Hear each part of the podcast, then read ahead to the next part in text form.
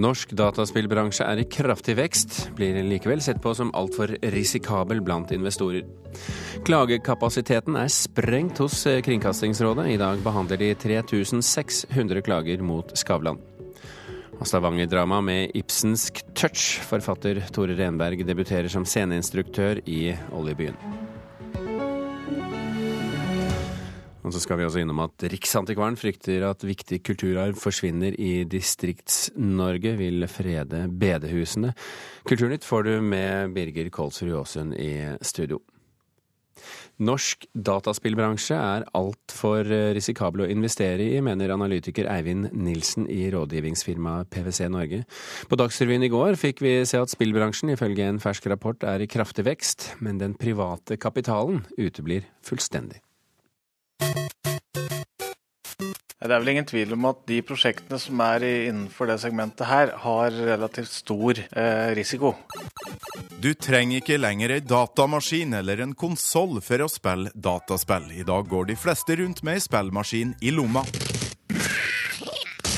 Smarttelefon har åpna et enormt marked for dataspill, og det har bidratt til en kraftig økning i antallet spillutviklere i Norge. Bransjen omsatte for nesten 330 millioner kroner i fjor, og den største norske suksessen for tida er spillet Funrun som er blitt lasta ned av over 50 millioner brukere. Jeg tror det er et stort potensial for å kunne være i Norge, at dette er en bransje som eh, har eh, store vekstmuligheter. Kulturminister Toril Vidvei håper bl.a. privat kapital skal hjelpe de norske spillutviklerne videre. Men ingen tør å investere, forteller Torbjørn Urfjell i Produsentforeningen. Konsekvensene det er at uh, veksten stopper opp arbeidsplassene og spillinvesteringene flyttes til utlandet istedenfor å beholdes i Norge.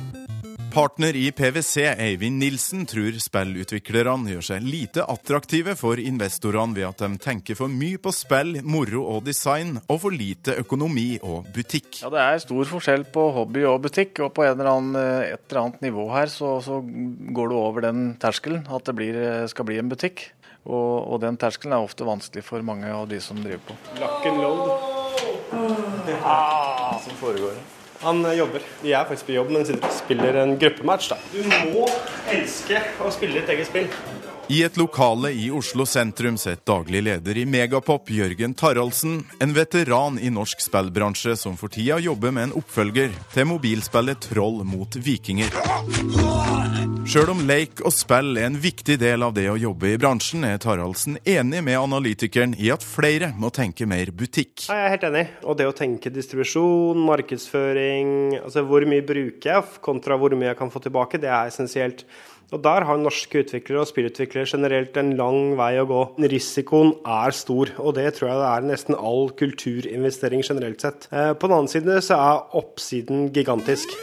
I Sverige så gikk jo Candy Crush uh, ut og omsatte vel for en uh, 10 milliarder i året. Sweet. Det er muligheten. Northzone, norske Northzone, når de solgte seg ut av Funcom etter to år, tjente vel 180 millioner. Sweet. Det er muligheten. Men det er jo da de få casene, så muligheten er uh, mye større i vår bransje enn de fleste andre bransjer. men du vil også feile mer. Game over. Nå håper Jørgen Taraldsen at flere norske investorer ser potensialet i spill, og at flere spillutviklere ser potensialet i investorer. Vi må møtes, og de må forstå hva vi holder på med, og vi må forstå hva de driver med. Det mest kjedelige er når du ser veldig gode prosjekter som løper og er tre fjerdedels ferdig, og så stoppes det pga. at det ikke er mer penger igjen i kassa til å drive det ferdig.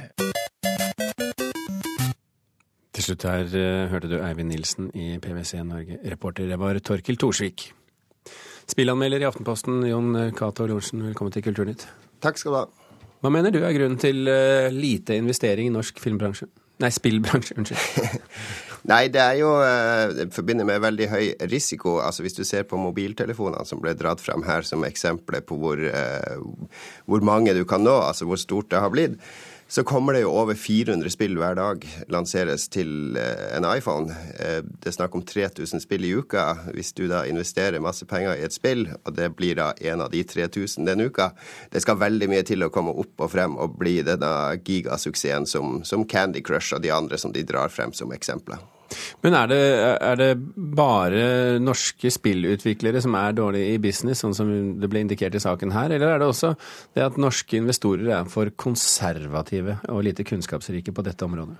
Det er vel en blanding av de to. altså Det har blitt mye bedre blant norske spillutviklere fordi landskapet er litt uh, annerledes enn det var for bare et par år siden. For et par år siden så kunne de si at det var ganske mye entusiaster som ville lage spill men som ikke skjønte hvordan de skulle drive forretning rundt det. Men via både utdanning og erfaring så har du sett nå de siste par årene at eh, norske spillutviklere har blitt mer proffe. De lager produkter med eh, for en målgruppe. De har planer for hvordan de skal lansere, de har samarbeidspartnere, de får utenlandsdistribusjon, de får fysisk distribusjon. Altså det, det, det, det er en profesjonalisering som, som har skjedd de siste årene. Så hva tror du skal til for å få investorer på banen? Jeg tror vel kanskje at investorene må endre litt tankesett. Og for i, i artikkelen her så blir det dratt frem Candy Crush, og det er jo det alle investorer har jo lyst til å investere noe penger i et prosjekt som der in, investeringa de hundredobles.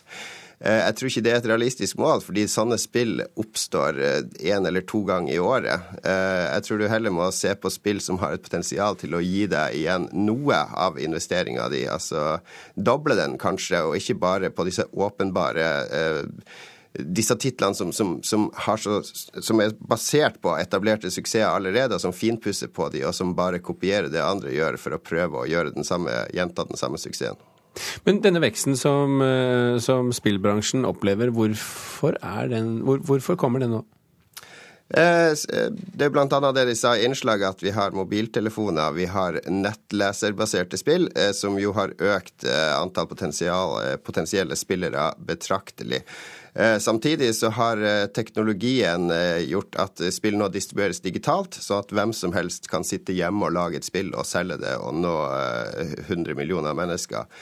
Uh, utviklingsverktøy har blitt bedre, de har blitt mer tilgjengelige. Man trenger ikke lenger kunne maskinkode, altså dette dataspråket, for å mm. lage spill. Man kan bruke verktøy for å lage spill ganske kjapt og, og relativt enkelt. Og så har du en holdningsendring. altså De som har vokst opp med spill de siste 20 årene, de er nå blitt 20 år, og de, mange av de vil gjerne ta med seg spill opp i voksenlivet, så at folk er mer tilbøyelige til å spille. Tror du at investorene eh, ønsker å sette seg inn i dette, denne verdenen, og, og at pengene kommer etter?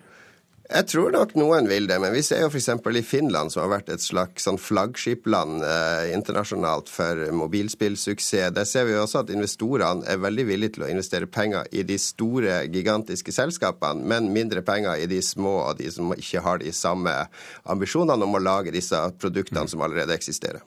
Vi får se hvordan det vikler seg ut. Jon Cato Lorentzen, takk for at du var med i Kulturnytt.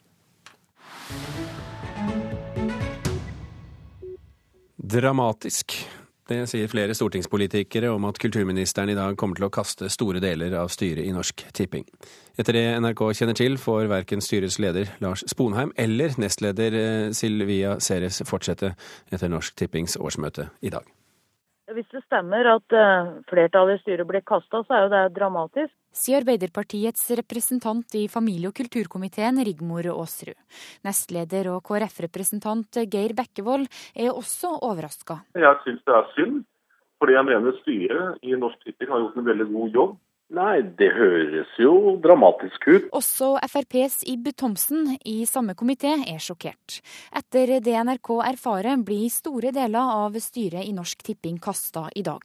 Endringa kan være bra, mener Thomsen. Så vi kan jo oppleve å få inn et nytt og spennende styre som, eh, som kanskje er mer i tråd med hva den sittende regjering, både Høyre- og Frp-regjeringen, ønsker å videreutvikle Norsk Tipping med. Etter det NRK vet, fikk styret beskjeden for tre dager siden uten begrunnelse. Men styret fikk kritikk av Riksrevisjonen i fjor, som også har stilt spørsmål ved effektiviteten i selskapet. Aasrud tror det også kan være andre årsaker. Ja, Det er jo overraskende hvis det er dårlige resultater i Norsk Tipping at det først kommer fram nå. og Da er det jo uh, flere, på flere andre områder at uh, regjeringa nå legger om spillpolitikken, ønsker å slippe inn flere kommersielle aktører, ønsker en større åpning for det. Ja, Er det det du frykter? Ja, og det er en politikk som vi ikke er enig i. Reporter her, det var Marit Gjelland og Kristine Hirsti. Kulturminister Toril Vidvei vil presentere det nye styret senere i dag, men Kulturdepartementet vil foreløpig ikke kommentere saken overfor Kulturnytt. Antall klager mot NRK har vokst så voldsomt at Kringkastingsrådets kapasitet er sprengt. Det sier rådssekretær Erik Berg-Hansen, og han mener rådet kan bli nødt til å møtes oftere om tendensen fortsetter. I dag skal 3600 klager på Fredrik Skavlans intervju med Sverigedemokraternas partileder Jimmy Åkesson opp til behandling. Parasitter, judesvin, gresshopper, kakerlakker. Dette er ord man bruker om mennesker fra andre folkegrupper. Ja, fast det er jo inget som jeg står bakom, og det vet jo du. Og det Nei, vet jo de men det er fleste. dine folk. Sverigedemokraternas partileder Jimmy Åkesson i stolen hos Fredrik Skavlan i slutten av forrige måned. 1,2 millioner fulgte sendingen på NRK, og dermed ble det sesongrekord for det etablerte talkshowet. Men programmet satte også klagerekord. 3600 likte ikke det de så. Du forstår at gresshopper og parasitter, og det er ikke bra. Det forstår du. Ja, det, det forstår jeg. Og det er ikke bare Skavlan det klages på. Dekningen av krigen på Gaza 70 klager. Dokumentaren om ulven i Østmarka 200 klager. Her og nås vaksinedebatt med en kjent konspirasjonsteoretiker i panelet 580 klager. Og det siste pornostuntet på trygdekontoret 650 klager. Nå har jeg holdt på med dette i fem-seks år, og i snitt så kan vi vel si at vi har hatt en 40-50 klagebrev per møte. Men eh, slik som det har vært nå etter nyttår, så snakker vi om ja, mange hundre, eller oppe i flere tusen. da. Erik Berg-Hansen er rådssekretær i Kringkastingsrådet, som behandler klager mot NRK. På datamaskinen har han metervis med e-poster fra folk som ikke liker det de har sett, lest og hørt. Scroller og scroller og scroller og scroller. Nå er det blitt så mange klager at rådet ikke lenger kan fortsette som før, sier han. Det kan være at vi kanskje må utvide antall møter eh, dersom dette fortsetter. Eller så må vi se på andre måter å håndtere det på. Det må jeg komme tilbake til. Jeg tror jo at når man betaler eh, lisens, eh, så blir man vel også meningsberettiget. Og ønsker da å si fra til NRK hvis det er noe man reagerer på. Sier Kjersti Løken Stavrum, som er generalsekretær i Presseforbundet. Hun forteller at også Pressens faglige utvalg mottar flere klager enn før, og tror endringen kan skyldes sosiale medier. For det første så lever vi i en tid hvor det er mye mer naturlig for folk flest å si fra hva de mener. Vi er blitt trent opp nå til å kunne mene ting i kommentarfelt og på Facebook og på Twitter og sånn. Det tror jeg hun har helt rett i. Sier Trine Eilertsen, som er politisk redaktør i Aftenposten. Sosiale medier gjør det mye lettere å eh, organisere kampanjer, oppfordre andre til å reagere på en sak, og vi ser at du skaper mye engasjement. og særlig Særlig er folk er veldig misfornøyde med en sak, og så sender mange en klage. Men kan ikke også den store økningen i antall klager skyldes rett og slett det at folk mener de har større grunn til å klage på NRK enn tidligere? Jeg mener at de ikke har det, og det gjelder pressen generelt. Kvaliteten er jo høyere i dag enn den var for 15 år siden, da, da jeg begynte i journalistikken. Reporter her, det var Petter Sommer. Fredrik Skavlan skriver i VG i en kronikk i dag at han skjønner at intervjuet med Åkesson kan ha vært sterk kost for noen, men mener at aktualitet og kontekst må avgjøre. Bakgrunnen for intervjuet var at han var friskmeldt, Åkesson altså, og tilbake i politikken. Skavlan mener det var relevant å konfrontere Åkesson med at flere medlemmer i partiet har karakterisert innvandrere som gresshopper og parasitter. Og Fredrik Skavlans intervju med Sverigedemokraternes partileder blir behandlet i Kringkastingsrådet i dag klokken ni. Forfatter Tore Renberg debuterte i går som regissør ved Rogaland Teater. Stykket 50 flotte år med Frode Kommedal har han også skrevet selv, og det skal du få høre mer om om litt når vi får vår anmelder på plass i Stavanger. I mellomtiden tar vi de viktigste nyhetene i Nyhetsmorgen nå. Høyre går inn for gratis SFO og barnehage for familier med lav inntekt. Til gjengjeld skal foreldrene pålegges aktivitetsplikt som arbeid eller studier. En norsk fremmedkriger er angivelig en av bødlene til de ekstreme islamistene i IS, skriver Dagbladet i dag. Og det har vært et stort vulkanutbrudd i Chile. Vulkanen sender røyk og aske flere kilometer opp i luften. Så tilbake til Stavanger, der forfatter Tore Renberg i går debuterte som regissør ved Rogaland Teater. Stykket 50 flotte år med Frode Kommedal har han altså skrevet selv, og handlingen er hentet fra Østre bydel i Stavanger. Se på den gjengen her. Dette er faen meg sterkt, altså. Hva var det jeg sa, Silje? Bodil! Ja! Herre Jesus! For ei dame! Og Fredrik Sattans Robert! Husker du Meidenturen? Karen Frøsland Nystøl, teaterkritiker her i NRK. Du så dette stykket i Stavanger i går, og som vi hører her, veldig mye entusiasme på scenen. Var det morsomt? Ja, det var veldig fint. Dette var jo en urpremiere, så det var jo stor stas. Og Renberg sjøl har kalt dette for et komisk drama. Og morsomt var det, med et tydelig lokalt preg. Um, jeg vil òg si at det opplevdes nok mer som et portrett av folk, familie og en kultur, enn, enn det var et handlingsdrevet drama, egentlig. Men hva handler det om, da? Det handler om Geggy, som har sittet inne for en narkotikadom. Han er nå første dag ute av fengsel. Og hvor skal han gå? Jo, han besøker en vennefamilie. Det vi hørte her var fra første møte mellom Geggy og familien. Det at han kommer, vekker minnet, men det fører òg til noen avsløringer av fortidige hendelser. Litt Ibsensk her, altså? Ja, litt Ibsensk når det kommer til ting som har med farskap å gjøre og sånn, da. Men handlinga er egentlig todelt. Det ene handler om hvordan det er å komme ut av fengsel etter å ha sona. Hvem er du da? Hvordan møter du folk?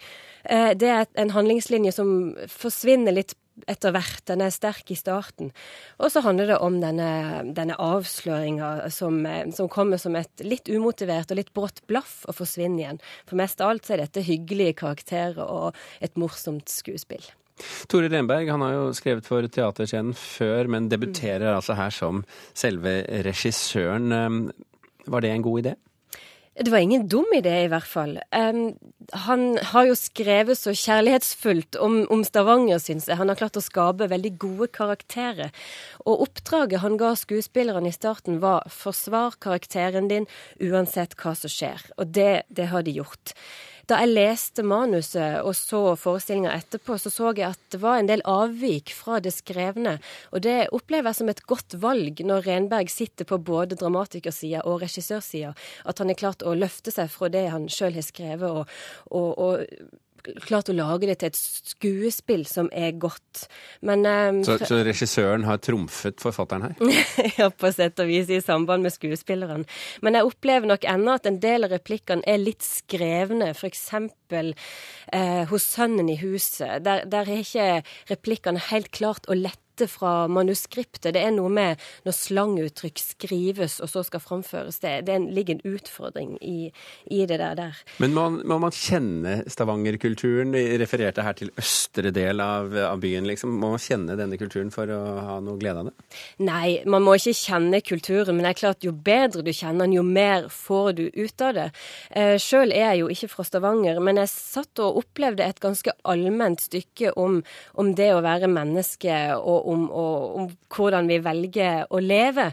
Men det er klart at eh, som sagt så syns ikke jeg dette var et uh, veldig handlingsdrevet stykke, så da krever det gode karakterer. Det har de klart å jobbe fram her. og Derfor så er det et stykke som jeg kan gå inn i, og jeg kan kjenne igjen type. og jeg kan, Det skapes et veldig godt bilde av et samfunn som jeg, som jeg kjøper, og som jeg er med på. Hvis Tore Renberg kommer bort til deg og spør hva du syns, bør han fortsette å regissere teaterstykket? Hva sier du da? Ja, det syns jeg han godt kan gjøre. Uh, men han bør være åpen for innspill uh, i forhold til dette stykket var sånn at, at, spillet var frontalt. Altså at skuespilleren spilte mye med ansikt og forside av kroppen mot salen. At det var lite dynamisk i bevegelsene. Sånne ting kan man lett gjøre noe med som regissør. Og så tror jeg òg at når han skriver manus, at han må tenke mer handlingsdriv. Men det er, det er et komisk drama. Mest komisk mer enn drama, men det er fremdeles et godt, eller fint teaterstykke. Karen Frøsland takk for at du så stykket for oss i Stavanger.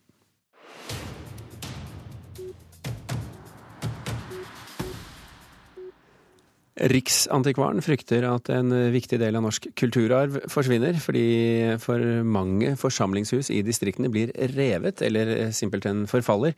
Kommunene bør ta vare på flere bedehus, skolestuer og avholdslosjer, sier seksjonssjef Leidulf Mydland. Dette er nemlig den typen av fellesskapets bygninger som vi har mistet flest av i Norge de siste 50 årene. Sånn at Tidligere så gikk en inn her som hovedinngang. Så var alt herifra og i to etasjer. Det var selve hovedsalen. Og nå er det butikk? Nå er det blitt butikk, ja.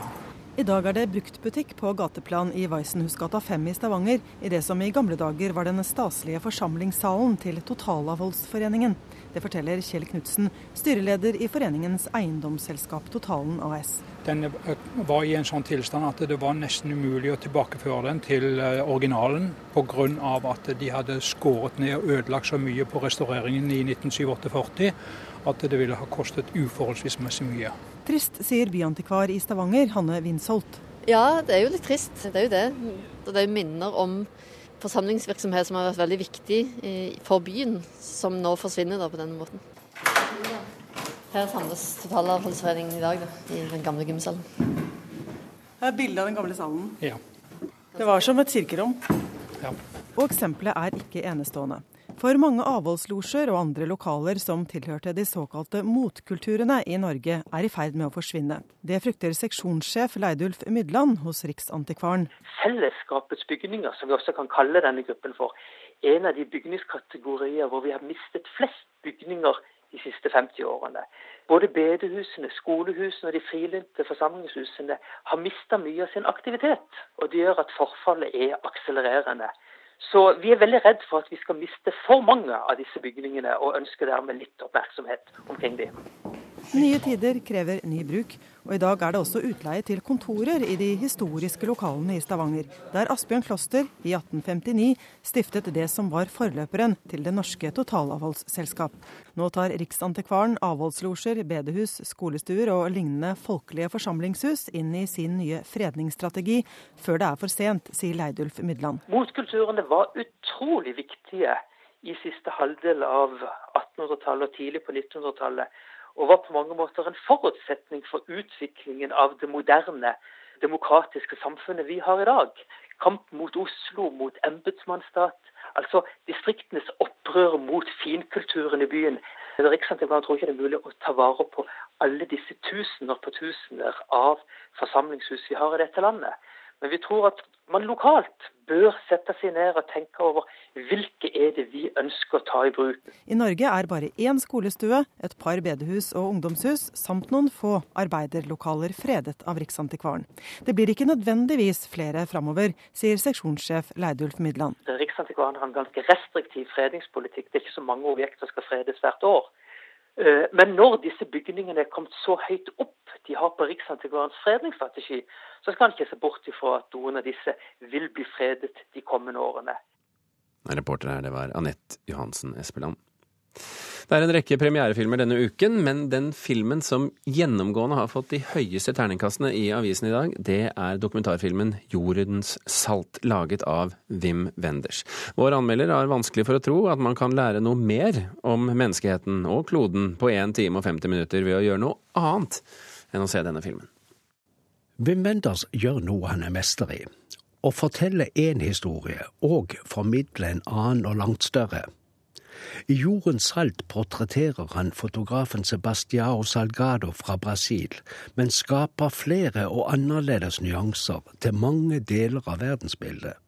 Det er fotografen som forteller historiene, men det er Bim Wenders som knytter historiene til hverandre og skaper et drama fylt av inntrykk og lærestoff. He often traveled to Africa to survey development projects.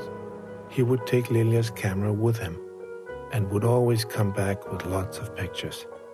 Jeg har vanskelig for å tro at noen kan lære like mye om menneskeheten og kloden på 1 time og 50 minutter ved å gjøre noe annet enn å se Wim Wenders film. Fotografens sønn, Juliano Ribeiro Salgado, er forresten Wenders regiassistent.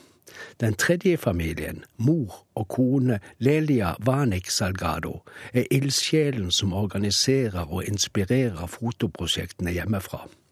Pour Lélia, c'était un peu plus difficile parce qu'elle était enceinte. Je rappelle une fois qu'on était exactement dans cet endroit. Wim Wenders konfronterer ikke fotografen, som har gjort mye kontroversielt gjennom sine 40 år ute og overalt. De to konfronterer verden sammen. De står sammen om å definere filmens tittel også. Mennesket er jordens salt. Et av de første fotoprosjektene handler om hvalross og isbjørn.